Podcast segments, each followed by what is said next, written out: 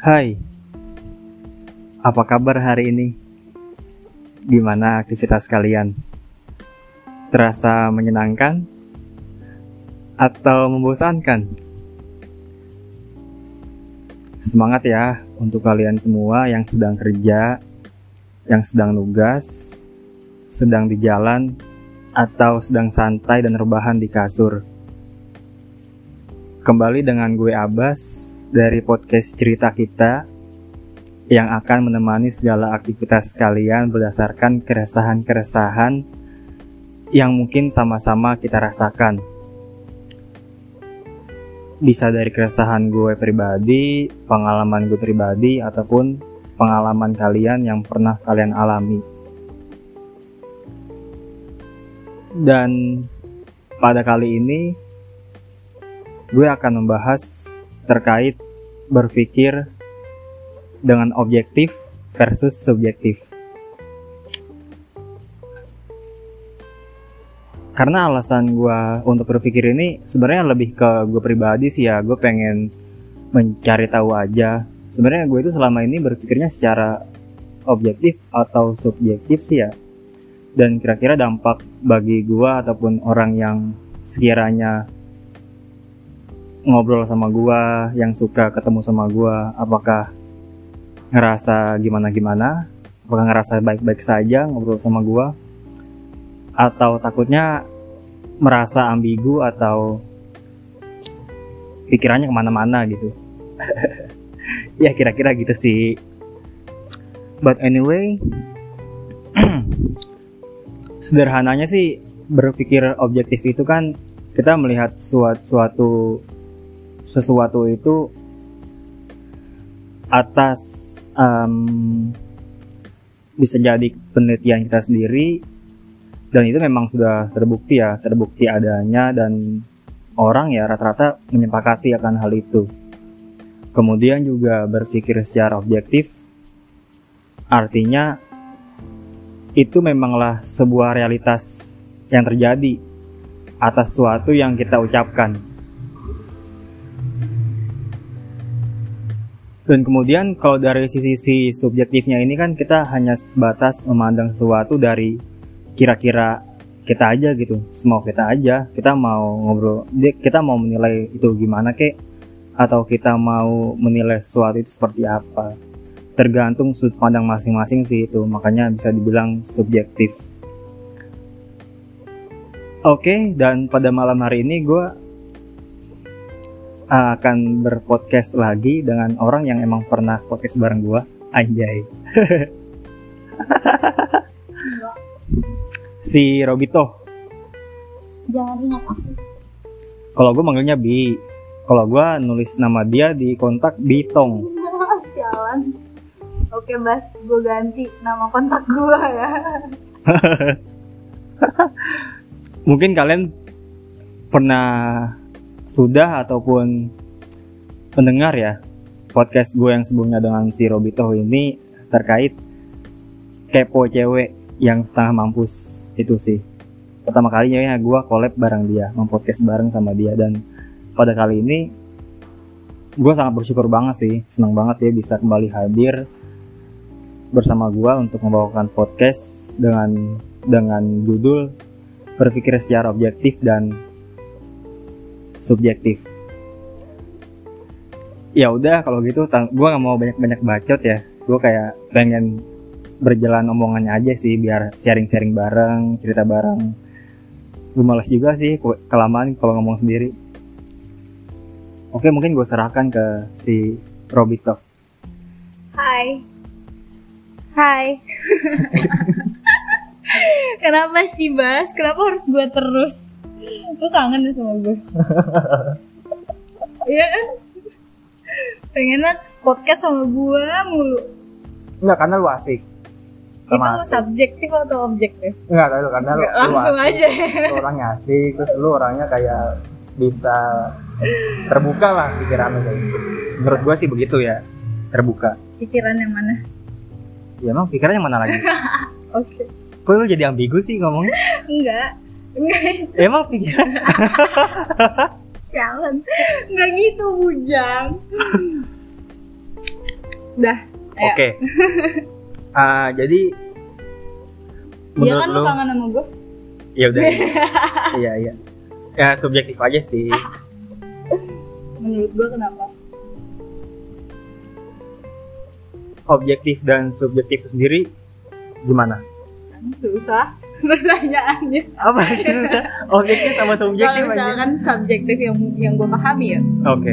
em, itu lebih ke pandangan gue sih kalau pikir gue yang em, banyak orang tuh satu di, di, di satu fokus misalkan ke sifat kok padahal menurut gue dia A tapi menurut yang lainnya dia B itu kan subjektif Eh, Nah kalau objektif itu kan lebih ke faktanya realnya kayak gimana Em, kelihatannya nggak cuman kelihatan tapi emang kita udah tahu seluk beluk eh, ke orang itu kayak apa contohnya oke misalkan misalkan gue objektif dan subjektif iya ya. gue ngerasa nih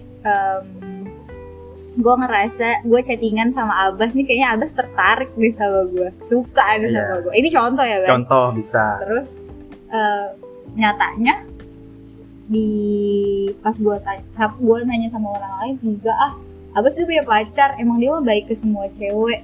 Friendly ya ke semua orang. iya. Terus enggak bukan cuma satu itu doang. Kita lihat lagi dari orang-orang yang udah ada di sekeliling lu yang udah tahu diri lu kayak apa.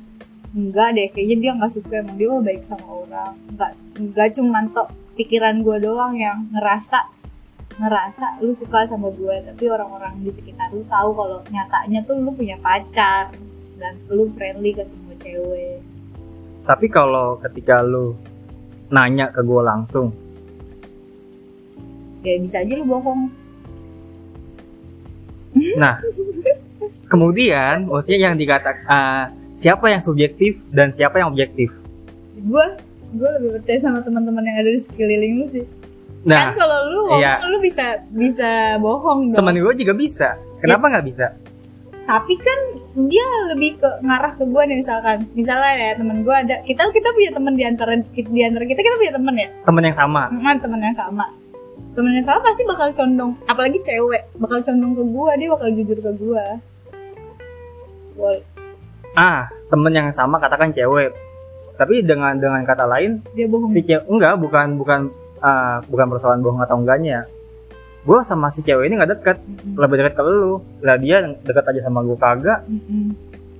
Gimana dia bisa menilai objektif ke gue? ih enggak maksudnya gue gue tahu teman-teman lu lu bilang kalau misalnya lu punya pacar tuh karena dia deket sama lu gitu loh enggak yang gue nanya sama orang yang dia juga nggak kenal lu nggak mungkin lah jadi mak- makanya gue bilang objektif tuh karena bukan cuman sekeliling lu doang. Dan satu lagi misalkan dicari taunya kayak gimana. Ya gue ngeliat di Instagram lu lu ada foto cewek terus ada love love itu Itu kan- kalau ada, kalau nggak ada, Iya kalau nggak ada. kalau sama-sama. Iya kalau nggak ada kan spek gua buat kepo tinggi. Jadi gua bisa cari di Instagram yang lain-lain. Oh iya keponya ya, keponya cewek setengah mampus tuh ya keluar tuh jurusnya tuh. Spek kepo gua kan tinggi. Jadi gua nggak cuma nanya satu orang lah. Apalagi temen lu yang gua banyak, yang gua kenal banyak. Tapi kan ada bahasa ya. Lu kalau pengen tahu gua dari gua langsung karena kalau lu nanya sama teman-teman gua, ntar gua kebagian brengseknya doang. Emang iya? Eh, eh, Ya berarti emang lu brengsek gak sih? enggak juga. Ya kenapa enggak? Bisa jadi di satu orang lu bakal setia, tapi di pikiran-pikiran orang lu gak setia. Gimana tuh?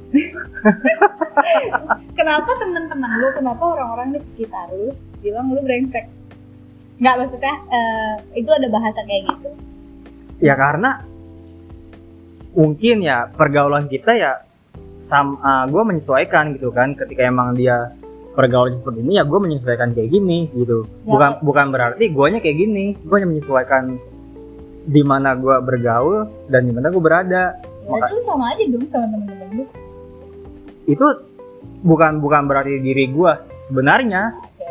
Makanya kan kalau pengen tahu sesuatu langsung dari gue langsung. Ya kenapa lu berteman tidak eh, tidak sesuai. Maksudnya ya, tadi lu bilang itu bukan lu yang sebenarnya. Berarti lu berteman ada kebohongannya dong. Nggak nggak nggak diri lu sendiri gitu.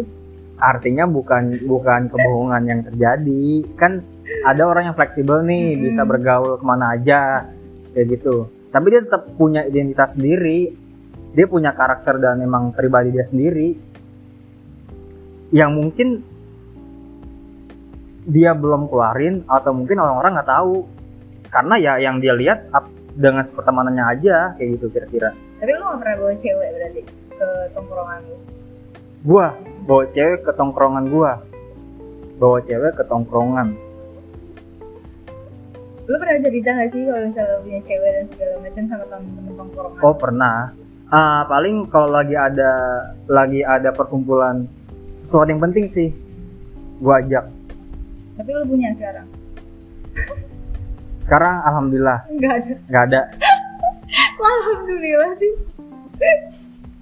Bodoh dasar jadi gimana? Lu oh berarti ini masuk nih masuk masuk pembahasan nih. Karena gue biar kita biar kita bisa pahami juga untuk untuk mendapatkan keobjektifan itu dari teman apakah cukup dari teman-temannya tanpa langsung ke orangnya langsung?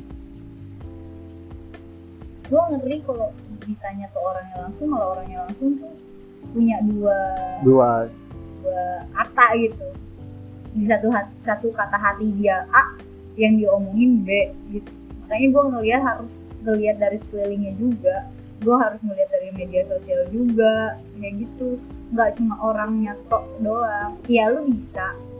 Gue kayak misalnya kita selalu jalan berdua. Gue jalan sama orang lain berdua ya gue tahu eh, cara dia ngetrit gue kayak apa ya gue bisa objektif lah dia kayak gimana.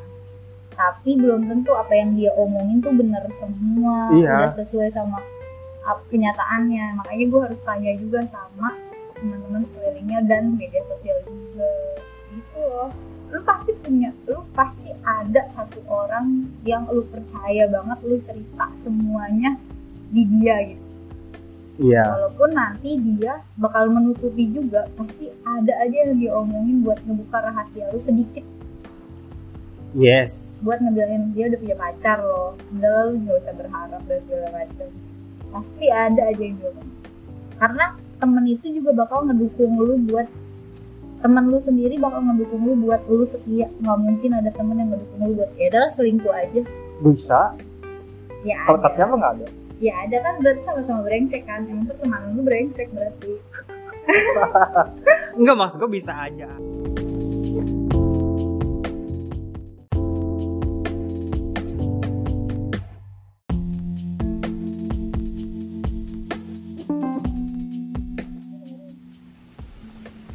Iya, maksud gua bisa aja, bisa aja ada teman-teman yang kayak gitu.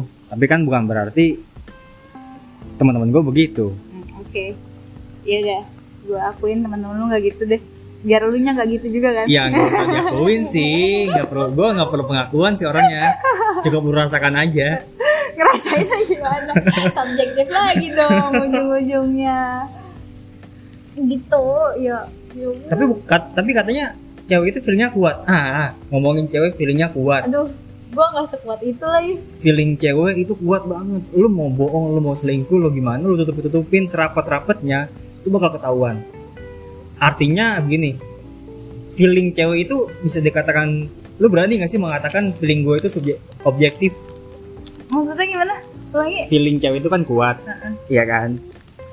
Berarti otomatis dia ngerasa orang ini ngebohongin dia nih, Mm-mm. kayak gitu. Tanpa dia cari tahu, dia cuma ngerasa doang feeling kuat gitu. Itu bisa dibilang objektif gak? enggak lah tapi fakta juga Nah, gimana tuh? karena itu kan ngerasa karena itu perasaan ya belum bisa dibuktikan tanpa adanya eh, belum bisa jadi ob- objektif kalau adanya belum ada bukti gitu loh gua ngerasa kalau cowok gua bakal selingkuh itu itu cuma feeling gua doang. Itu subjek ke gua doang. Gua ngerasa nih cowok gua berubah. Hmm, gua ngerasa dia selingkuh. Nah gue bisa ngebuktiin gue bisa berpikir eh, langsung ke objektif tuh karena gue harus ngebuktiin itu. Gue harus tahu dia beneran selingkuh atau enggak. Atau cuma feeling gue doang. Tapi biasanya feeling cewek terkait lo diselingkuhin lo mau ditinggalin itu itu bener.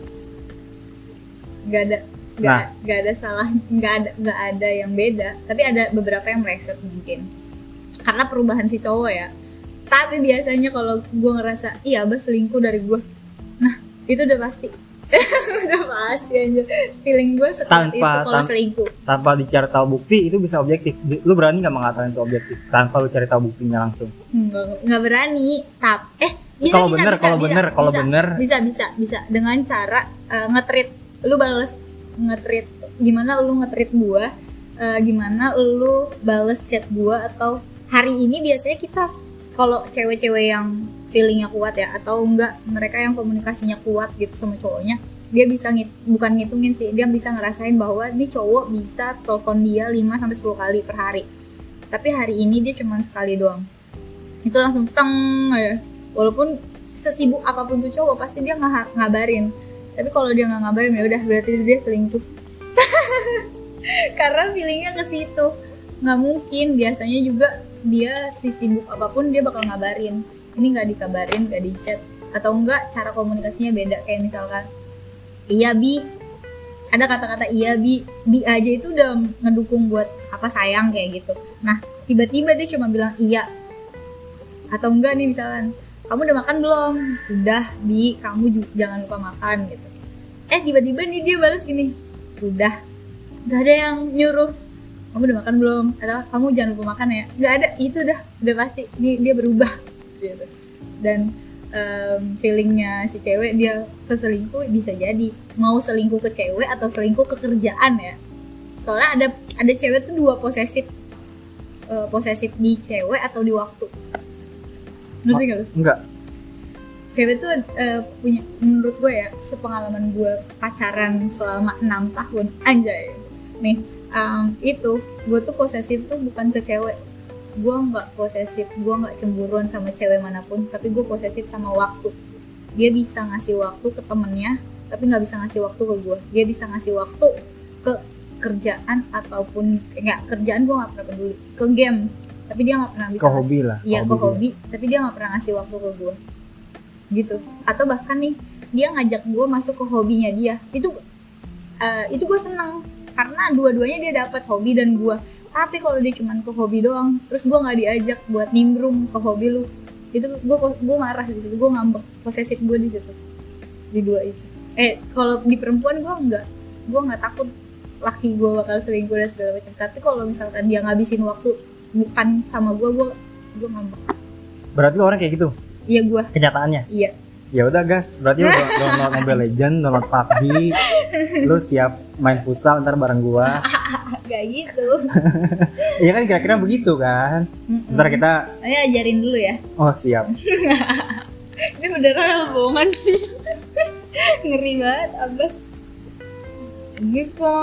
Objektif dan subjektif ya. Kadang sebenarnya kalau kalau misalkan orang nih sebenarnya ada ada aja orang yang bisa bisa memaksimalkan potensi objektif itu sendiri. Dia kayak sering berpikir secara objektif. Hmm, bisa. Tapi kalau orang yang sering seringnya itu subjektif itu kenapa sih? Em, gini. Kenapa dia pakai feeling ya? Lebih ke subjektif itu kan makanya feeling ya. Oh iya. Karena ada orang yang emang hidup gua gua ngandelin feeling nih ngandelin ini gua nih kepercayaan gua. Mm-mm, itu karena mereka pernah ngerasain eh, lu dihianatin atau enggak kepercayaan lu tuh dihancurin makanya dia pakai itu. Enggak top topiknya coba deh coba jangan jangan jangan sebatas enggak enggak enggak. Ini subjek ya kenapa dia lebih mengutamakan subjek kan? Perasaannya dia kan? Ya artinya jangan sebatas sebatas pacaran maksudnya artinya. Kayak Apa ya? apa, gitu. Nah, di pertemanan juga bakal kayak gitu.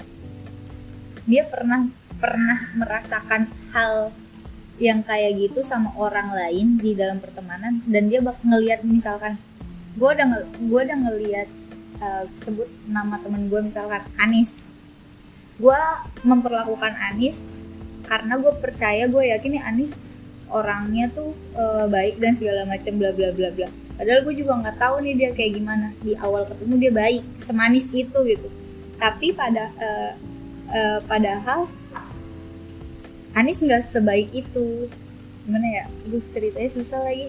Atau enggak misalkan nih dia buruk tapi gue memperlakukan dia manis karena gue eh, ngerasa udah diperlakukan manis sama teman-teman yang lain makanya gue ngelakuin hal itu ke orang lain iya Nah, saat- eh, kenapa gue mikirnya kayak gitu? Padahal di di luar dari itu kenyataannya si Anis itu buruk gitu. Tapi gue nggak pernah mentingin luarnya gimana, Iya. keburukannya gimana. Ya dia manis di depan gue, dia manis di baik sama gue ya gue iyain gitu. Tapi nggak melulu manis tuh kayak yang dia baik ngasih gue makan dan segala macam enggak perlakuannya aja. Atau yang kayak gimana? atau punya contoh nggak? Gue harus mikirnya ke mana? Coba misalkan lu punya contoh apa gue bakal mikirnya ke mana? Nggak ada. Kan nggak ada. Eh, tapi kalau di luar relationship coba. Pembahasan lu mau di luar relationship kan? Emang kalau di luar di luar itu berarti kita ambil studi kasus nasional gitu. Jangan, Politik gitu jangan, maksudnya? jangan. Aduh jangan. Nanti tiba-tiba dari sosial pindah ke politik dong gue sulit kan? Apa? Lu sepakat gak sih kalau yang dibenarkan ya pemikiran yang objektif? Sepakat. Sepakat. Dan pemikiran subjektif itu buruk. Sepakat gak kalau begitu? Nggak harus buruk juga emang lu gimana maksudnya buruk tuh kayak gimana? Ada Ya. contoh? iya enggak artinya apa pun itu yang hanya sebatas dikira-kirakan menurut lu doang itu nggak baik. Iya tapi itu baik loh. Em, jadi kita bersifat bodoh amat. Eh nggak bodoh amat ya? Bukan bukan. Ja- jadi itu baik loh buat menentukan jalur hubungan kita di awal ketemu orang. Pertama gue punya pemikiran nih abas baik nih. Jadi gue punya pandangan pertama itu lu orangnya baik buat hubungan pertama gitu selebihnya nanti kayak gimana kan nanti objektif baiknya subjektif tuh kayak gitu ya itu kan an- artinya kan ketika kita emang pertemuan pertama kita ya gue menunjukkan sisi baiknya gue dong Heeh. dan lu berpikir baik ya itu objektif Enggak juga, ada juga yang ya lu ngeliat gue nakal. Eh, enggak enggak nakal, gue enggak nakal. nah lu nah lu nah lu Lu lu tahu misalkan gue kayak gimana? Kan menunjukkan sisi asli gue, tapi lu nilainya gue kayak gimana di awal pertemuan? ya begitu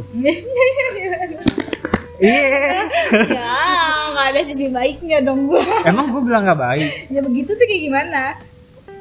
asik sih asik Ya, ya menurut lu asik itu sisi pertama gue. Ada adik kelas gue, ada teman sekelas gue yang kayak bilang, anjir pertama ketemu Robito, itu tuh mereka pasti bakal ngerasain sakit hati. Sumpah. karena ada gue judes banget. Gue tuh kalau eh even gue sama lu ya ini hari ini gue ketemu sama cowok. Pertama kali juga kita ketemu karena lu posisinya dalam keadaan cowok. Kalau cewek enggak gue ngeliatin dari atas sampai bawah. Kalau cewek kalau gue ngeliat cewek anjir nih orang kayaknya gini gini gini. Kayaknya nih orang baik. Kayaknya nih orang eh, apa gitu. Tertutup. Iya maksudnya gue punya pandangan eh orang lain punya pandangan sendiri ke gue karena lu cowok jadi gue baik-baikin diri gue nih. Ada nih cewek kenal sama gue itu ngelihat gue yang kayak ih bacot. Ih cempreng lah. Ih jenis banget jadi cewek. Ya karena gue cek karena lu ngeliatnya di dalam diri lu cowok. Ngeliatnya kayak gitu. Kalau cewek-cewek di luar sana kan nilai gue eh apa ya kayak cewek-cewek galak. Oh iya sih. Ya tuh iya. kan ya berarti kalau eh, Padahal kan gue semanis itu kan. Semanis itu. Ditegesin aja. Dipretin aja terus. Kalau gitu kita spesifikasiin deh. Kita bisa bisa bisa menilai objektif dan kesubjektifan seseorang itu berdasarkan apa? Berdasarkan sifat berdasarkan bentuk berdasarkan pemikiran kalau pemikiran mungkin itu masing-masing orang berpikir beda-beda ya. Hmm. subjektif. Kalau rasa beda-beda. Ah, itu subjek banget gitu. objek banget. Berarti yang objektif bentuk. Lu bentuknya Robito bentuknya kayak gini loh. Ada nggak sih? Iya iya paling rasional bentuk. Karena kita udah lihat dong ini orang cewek ini orang cowok. Tapi ada luaran. ada orang yang bilang lu gemuk, ada juga yang bilang orang lu nggak gemuk. Itu gimana kalau gitu? enggak dia pasti bilang gue kurus. Iya nggak gemuk kayak kurus aku. Iya karena mereka eh, gini cara pandang lu lihat cara balik lagi cara pandang. Ada orang yang bilang gue gemuk itu karena ngelihat dari bahu sampai kepala. Karena pipi pipi gue cabi yang pertama. Dan ada bahkan ngelihat dari atas sampai bawah gue dibilang gemuk karena gue pakai baju yang gombrang-gombrang. Balik Iya. lagi. Ada orang yang bilang kurus kalau misalkan dia dari bahu ke bawah. Dan dia udah ngelihat posisi tangan gua yang kurus. Nah, cara pandang itu balik lagi ke cara pandang. Nggak bisa lo eh, kebentuk kerasa itu nggak bisa kita menurut gue ya. Berarti bentuk tadi lu bilang paling rasional bentuk. paling rasional bentuk memang karena kelihatan kalau misalkan nih dia cewek atau dia cowok. Tapi juga nggak bisa dong Kodrat, kelihatan apakah kodrat? Nggak bisa juga dong kelihatan dia kaya dia miskin nggak bisa kelihatan juga kan dari bentuk. Objektif kepemilikan materi ya kelihatan dari bentuk kelihatannya. Ngerti nggak? Pemilikan bentuk itu misalnya kayak ma- materi yang dulu bilang. kepemilikan materi. Mm-mm. kita nggak bisa ngelihat dari bentuk. Bentuk bentuk secara utuh bentuk gitu loh bentuk. Nggak bisa. Lu gendut lu kaya enggak. Ayo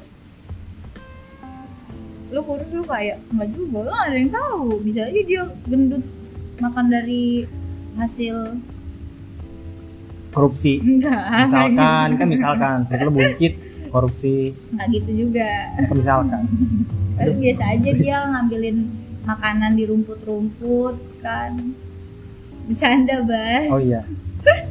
Nggak bisa banget anaknya diajak bercanda. Apa? Lu lu gua- lu aja gue bercandain nggak bisa? Ya karena omongan lu tuh omongan lu tuh semuanya ambigu bas. Oh iya. Sumpah omongan lu ambigu. Makanya gue selalu tanya ini maksudnya apa iya. Apa perlu gue jelasin di sini? Gak bisa Robi itu nggak bisa. Kalau misalkan diterka-terka gue udah bisa nerka lu. Lu orangnya kayak gini gini gini. Tapi gue butuh penjelasan dari lu sendiri.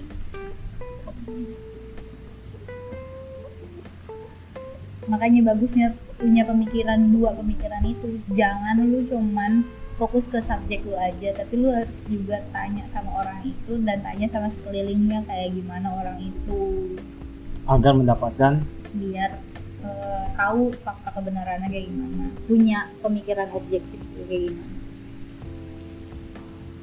Kalau ngomongin kayak gitu nih apa? sebenarnya teman kita kan ada yang emang sebatas kayak tahu kita untuk saat ini. Dia nggak tahu kita ke belakang eh, yang menentukan sikap kita sekarang itu kan bisa dilihat dari masa lalu nih dari sejarah problematika dia hidup nih. Iya nggak sih iya. Iya. Apakah kita juga harus perlu mencari tahu? Ke, bel- ke belakang ke belakangnya nah itu dia yang tadi gue bilang. Gua em, gua berperilaku itu mm, karena gua sendiri diperlakukan sama orang sebelum gua. Misalkan ada orang baik banget sama gua. Nah di masa depan yang akan datang di hari ini gua bakal berperilaku kayak gitu juga sama orang itu. Sama orang lain bukan sama orang itu. Nah kenapa? Eh, kalau kalau ngungkit masa lalu tuh berat banget. Gue nggak bisa sih buat eh, cari masa lalu orang. Gue bukan tipe yang cari masa lalu orang. Lagian juga lu pertemanan nih pasti seiring waktu eh, pertemanan lu lu bakal dikasih tahu ini orangnya kayak gimana? Lu mau pacaran sama orang salah satunya. Dia bakal lu lu bakal dikasih tahu tanpa lu cari tahu dia kan temen gue. Dulu kan dia kayak gini gini gini. Ada aja yang ceritain lu kayak gitu kan. Pasti gitu. Jadi gue bukan tipe orang yang nyari eh, latar belakang orang gue ya gue sendiri. Ya gue pengennya gue cari yang sekarang lu hadepin. Misalkan dulu lu punya utang. Ya hari ini utang tuh masih berlaku dan itu yang harus lu, lu, lu- itu masih jadi pembahasan lu. Iya.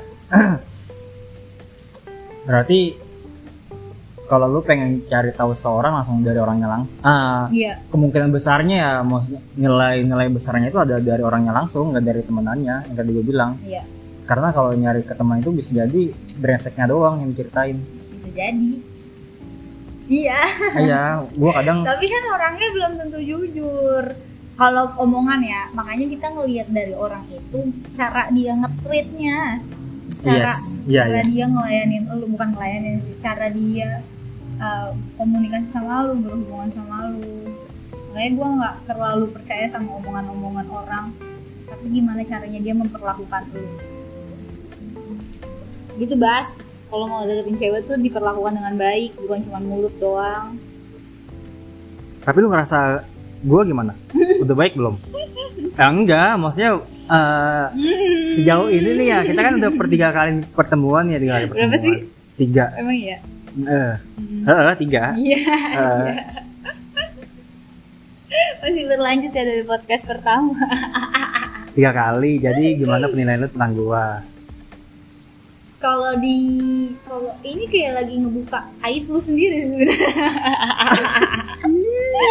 makanya lu kalau nanya-nanya tentang diri lu jadi podcast Oh ya udah ya udah ya udah iya iya ya udah iya. tapi gak apa-apa gue buka ya Enggak, soalnya gue orangnya kayak langsung ngalir gitu aja kan gue tuh bilang. ya Ya, ta- tapi ngalir nggak gitu usah. aja ya. tuh kayak gimana sih cewek tuh butuh loh Enggak, enggak artinya artinya kan lagi ngebahasin personal gitu. Terus lu juga kayak Iya makanya gue langsung nanya aja gitu ngalir gue gimana sih menurut lu secara personal gitu loh maksud gue lo ngalir kayak gitu. oke Tapi ya gue kadang emang harusnya kan nggak harusnya nanti gitu kan kalau omongan-omongan yang sekiranya begitu ngejerumusnya ke sana harusnya nanti. Nah itu gue kadang nggak bisa ngontrol itu. Itu gue ya nanti gue kontrol boleh. Oke. Tapi kalau dampak dari sisi orang yang suka berpikir objektif, Stre- eh gue gak tahu ya dampak dia baik atau buruk tapi kalau yang dampak baiknya subjektif itu dia bakal humble ke siapa pun kalau buruk baiknya kalau dia punya pemikiran subjeknya yang baik ya pasti dia bakal humble ke siapa pun kalau yang buruk? Yang buruk? Ya dia ngerasa ya anjir gue gak mau berteman sama ini. Nettingan, nettingan, Netting parah. Netting parah ya. terus gue lebih ke bodo amat sih. Kalau gue tipe gue yang gak bodo amat. Latar belakang gue gak pernah cari. Dia ini misalkan nih gini deh gue punya teman. Dia dia dalam pacaran tuh toksik banget parah. Mm-mm. toksik parah. Terus gue nggak bilangin kalau itu salah. Itu salah loh El. Objektifnya gue kayak gitu. Gue mikirnya itu salah lu gini gini itu oh se nyebut orang lagi gue maaf. Itu salah loh. Gue gituin. Nggak bisa lu jalanin hal itu. Gitu. tapi subjektifnya gue lo temen gue tapi kalau itu menurut menurut lo salah tapi itu lu bahagia lu jalanin pemikiran gue tuh double. Gitu. Iya, iya. Gue juga kadang begitu. lu temen gue kalau lu merasa bahagia lu jalanin. Gue dukung apa pun yang lu yang lu pengen. Tapi kalau dia salah ya gue ngomong salah. Tapi itu salah. Gitu. Gitu bas. Itu nggak bisa em, nggak bisa lu cuma berpikir subjek tuh nggak bisa. Bas. Gue dua-duanya. Menurut gue gue dua-duanya. Dan gue harus rasional juga nih. Ini orang kenapa sih eh, berperilaku kayak gini sama gue dia punya maksud atau kayak gimana dulunya? Tapi gue nggak mau cari dulunya dia kayak gimana. Mungkin nanti pasti dia ngomong sendiri. Ya gue nanya aja sama dia. Tapi gue nggak ngorek-ngorek latar belakang dia sama orang lain tuh jangan cuma berpikir pakai perasaan makanya perasaan tadi ada kopi di sini makanya jangan pakai perasaan beli dulu kopinya Iya, iya benar-benar. seneng kan lu Senang apaan? ngomong sama gue Lu nggak senang? jawab dulu pertanyaan gue Ya kan tadi gue bilang orangnya asik.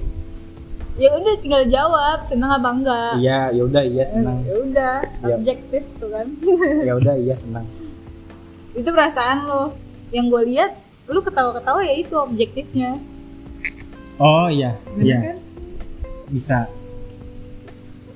apa pura-pura doang ketawanya Ya, lu nanti gimana? tuh tuh kalau orang mikir objektif gitu pasti kayak gitu apa lu cuma pura-pura doang Nettingan tuh ya. iya. Terus lu kenapa sih kalau misalkan benerin kacamata pakai jari tengah? Apalagi orangnya lagi ngomong. Oh emang? Ya udah maaf kalau salah. enggak gue ya udah deh ya. Soalnya gue nggak ada maksud apa apa sih. Gue barusan lu kayak gitu. Naikin kacamata tapi pakai jari tengah. Ya udah. Eh, gue nggak ada maksud apa apa kirain lu marah sama gue terus ada maksud terselubung pakai jari tengah ya kan? Tapi kalau menurut lu eh nggak usah deh itu mah gue gue kayak nggak usah nggak usah ntar ke personal gue lagi ujungnya Eh, subjektif dan objektif. Ada lagi? Sebenarnya emang kalau dampak dari objektif obje- objektif itu sendiri kan dapat diterima ya oleh semua orang. Artinya kayak gitu ya. Ya benar dapat diterima sama kecuali bagi orang-orang yang bagi orang-orang yang menolak dari kebenaran itu sendiri. Mm-mm. nah contohnya tadi kayak temen lu tuh menolak kebenaran itu sendiri dia bertahan di sisi subjektifnya dia. Mm. kayak gitu. Kecuali bagi, bagi orang-orang kayak gitu. Iya begitu jadinya. Yang toh itu kebahagiaan dia kan? Iya nggak sih kalau berbicara subjektif lagi nih eh dampak paling serius ya buruknya tuh kayak gimana sih? Netting itu doang. Selain netting gitu kayak sampai bener-bener wah ini orang udah rusak nih gara-gara subjektif mulu. Duh gimana? Kira-kira apa ya? Gue juga nggak tahu loh. Emang iya apa coba nanti lu tanya sama teman-teman yang suka dengerin podcast lu. Dampak buruk eh, lu punya pemikiran subjektif yang paling buruk tuh apa? Soalnya kayak gue ngerasa cuman ya gue berpikir negatif sama dia nanti jadinya hubungan selanjutnya bakal buruk. Terus komunikasi gue juga bakal jelek. Dan ada lagi misalkan ada orang yang udah komunikasi sama dia jelek diceritain ke orang lain kejelekannya kan nggak enak. Itu sih. Pokoknya pintu lu mau berpikir atau apa pun tuh pasti ada di komunikasi kan? Iya komunikasi sih. Jaringan lu pasti. Makanya kalau misalkan dia subjektifnya ke arah yang buruk ya lu kan pasti netting segala macam oh ini ada satu lagi. Menurut gua orang yang punya subjektif yang baik gitu misalkan dia selalu berpikir positif humble sama siapa pun ya dampak buruknya dia bakal dihianatin sama orang-orang Oh, merasa bisa. udah digampangin dia mah baik eh, dia mah bakal berpikir positif aja. Udah nggak apa-apa eh, selewengin aja orang kayak dia. Itu Oh, iya. dampak buruknya ke diri dia lagi. Dia terlalu percaya sama orang saking percayanya dia dihianatin sama orang lain. Gitu. Tapi coba tanya lagi ke teman-teman podcast yang terhormat yang baik hati yang suka dengerin suaranya Abbas. Berarti kalau gitu eh, untuk menghindari untuk menghindari pemikiran yang subjektif diperlukan komunikasi yang kuat. Itu salah satunya sih. Dan Mhm. mungkin sumber utamanya dari situ ya. Lebih ke komunikasi yang kuat. Sama ngelihat cara perlakuan tuh orang ke lu. Komunikasi yang kuat dibilang mulut tuh bisa berubah-ubah tapi cara ngetrit orang tuh pasti udah pasti. Iya iya sih. Tapi untung mulut gue udah terlatih. Hmm, makanya suka bullshit ya perlakuan lu sama mulut tuh beda soalnya. Iya. Oh ya udah ntar ntar ntar. Langsung dipelototin aku takut. Langsung dipelototin aku takut. Jarang sih jar nih swear nih ya. Eh gimana ya? Gue Eh, terlalu jujur ya mas. enggak enggak enggak. Eh, gimana ya gimana ya? Gue jelasinnya jarang-jarang ada cewek nih. Langsung jor-joran gitu loh. Apalagi baru tiga kali pertemuan jor-joran ke gue eh jarang banget. Ada yang udah lama aja nggak nggak kayak gini. Ya ngapain? Lu ya pernah sebenarnya nggak masalah sih nggak mas enggak bagi gue nggak masalah. Ya selagi selagi itu bener ya kecuali kalau belok ya gue gue kasih paham. Eh, emang mau kelihatan agak belok? Artinya penilaiannya ke gue belok gitu loh nggak sesuai. Eh nanti kasih paham ya. Makasih ya. Makasih ya boy. Tapi emang zaman sekarang tuh cewek emang harus udah udah harus jujur jujuran aja sih. Lu suka sama dia? Bukan bukan bukan berarti gue sama lu personal ya. Tapi gue pernah denger eh, di salah satu artis ngomong ya udah jadi cewek zaman sekarang tuh harus ngomong aja. Eh, mau lu apa sih sekarang tuh? Ke cowok. Iya mau lu apa sih sama apa sih sama gua? Kalau subjektifnya kalau lu suka sama gua ya bilang. Tapi kalau objektifnya kalau lu emang gak suka sama gua ya gua bakal cari lagi yang lain gua bakal terima yang lain. Lu kira lu doang?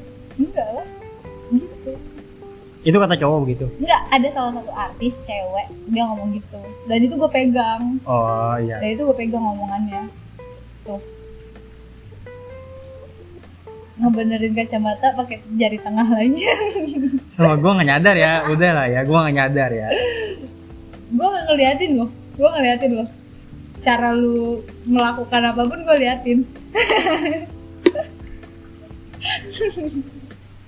Iya jujur ya gue orangnya kayak buat buat mandang aja. buat buat mandang orang itu nggak bisa lama-lama. Oh, oke. Artinya gue bisa dibilang gue orangnya kurang ah, bukan kurang perhatian sih arti bukan gue nggak nggak sih perhatian ke orang tapi ya gue emang kalau buat mandang orang apalagi kayak atu-atu gitu benar-benar diperhatiin gitu kan dari atas sampai bawah gue nggak nggak gitu. Gue gak gitu juga kok kecuali ke cewek. Yes Ya. baby. itu gue nyadar. Itu gue nyadar. Ya yes baby. Ya eh, berarti apa lagi kira? Dari kalau dari si objektif ini objektifnya itu sendiri ada nggak sih dampak buruknya? Bodo amat.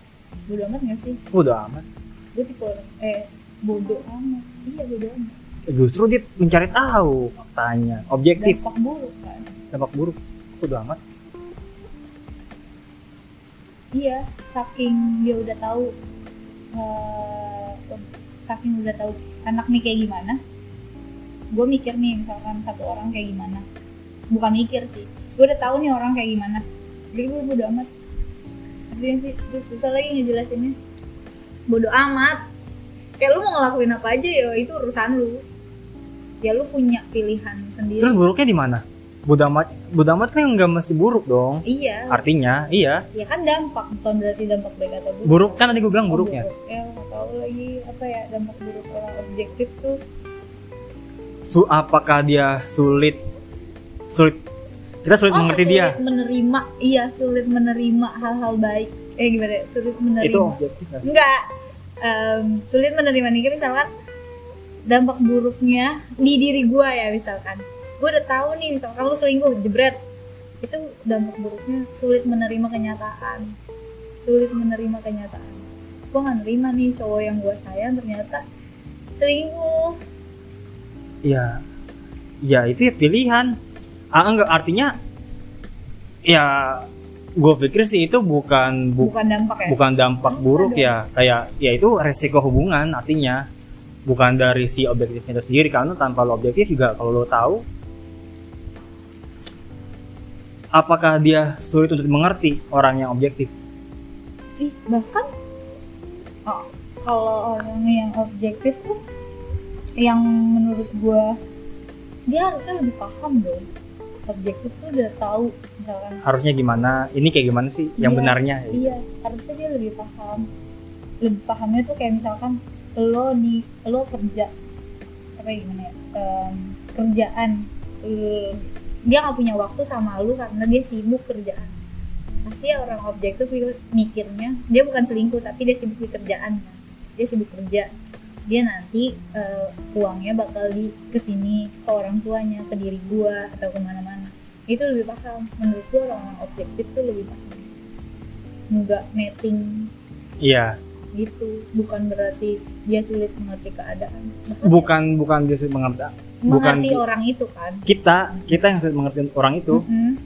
ya kayaknya gue lebih gue malah lebih paham kalau misalkan oh yaudah lu kerja. Ya udah lu kan memenuhi kebutuhan gitu ada lagi emang selain itu. Dibilang menerima keadaan itu yang susah buruknya. Kalau mengerti kayaknya orang-orang orang-orang sekitar tuh pasti ngerti banget. Rasional aja berpikir rasional. Bisa bisa. Ada lagi emang contohnya? Dampak Bilang, dampak buruk dari sisi objektif. Iya coba ya udah berarti itu buat PR kita bersama. Biar kita bersama nggak mau. PR orang yang dengerin. Abas dan teman-teman yang ada di podcast. Iya lu kan termasuk bagian dong. Lu kan ngobrol sama gua. Gimana sih lu nggak mau tanggung jawab? Ya tadi kan pertanyaan itu dari lo. Ya udah kan gua lontarin ke lu. Dan lu harus jawab wajib. Ya kan udah udah jawab. Jawaban gue cuman segitu. Tapi mungkin teman-teman punya punya pandangan lain kali terkait objektif dan objektif sendiri. Di dalam hubungan pertemanan ataupun hubungan pasangan sama. atau hubungan internasional? Hmm. HI dong. Oh, oke. FISIP dong. Di sini masuk ke psikologi aja bas. Nggak usah diusulutin kok Suludin Nggak, emang mana ini anjir ini apa? No. Emang ini apa? cari ah gila. Emang oh, so, di sono. Ya udah kalau gitu? Ya mungkin untuk pembahasan objektif dan subjektifnya selesai dari lu kira-kira ada lagi nggak Nope. nggak ada Kalau bisa berpikir dua kali. Jangan cuma mikirin perasaan, tapi mikirin keadaan sekitar juga harus. logika dan perasaan Nggak logika, logika sama aja pikiran dong. Ih, pikiran dan perasaan. Perasaan sama logika beda lah. Tapi nggak. Iya, maksudnya itu sama-sama aja di diri kita kan. Yes. Keadaan sekitar dia gitu. oh iya. lingkungan lah lebih ke lingkungan lingkungannya dia kayak gimana tapi nggak harus lu cari latar belakang ya dari tadi lu ngomongin latar belakang lu Siap, yang mau sudah. oh iya guys besok aku wisuda tanggal 13 promosi Ya udah kalau gitu mungkin uh, kalau ada dari kalian yang ingin ber ngasih tanggapan, memberikan saran atau mempunyai argumen yang dari tadi berbeda dengan kita berdua nih antara gue sama si Robito. Atau mungkin kalian nggak sepakat nih apa yang dikatakan Robito nggak sepakat tapi sepakatnya sama gue ya bilang aja ntar biar gue kasih tahu si Robitonya langsung. Kalau dia itu emang begitu omongannya. Bilang aja mau ngechat gua Iya. Oke, terima kasih buat Dadah. kalian yang sudah mendengarkan. Terima kasih juga buat Robito yang mau menemani, anjay menemani. Kita akan bertemu lagi di episode yang akan datang. Bye. dadah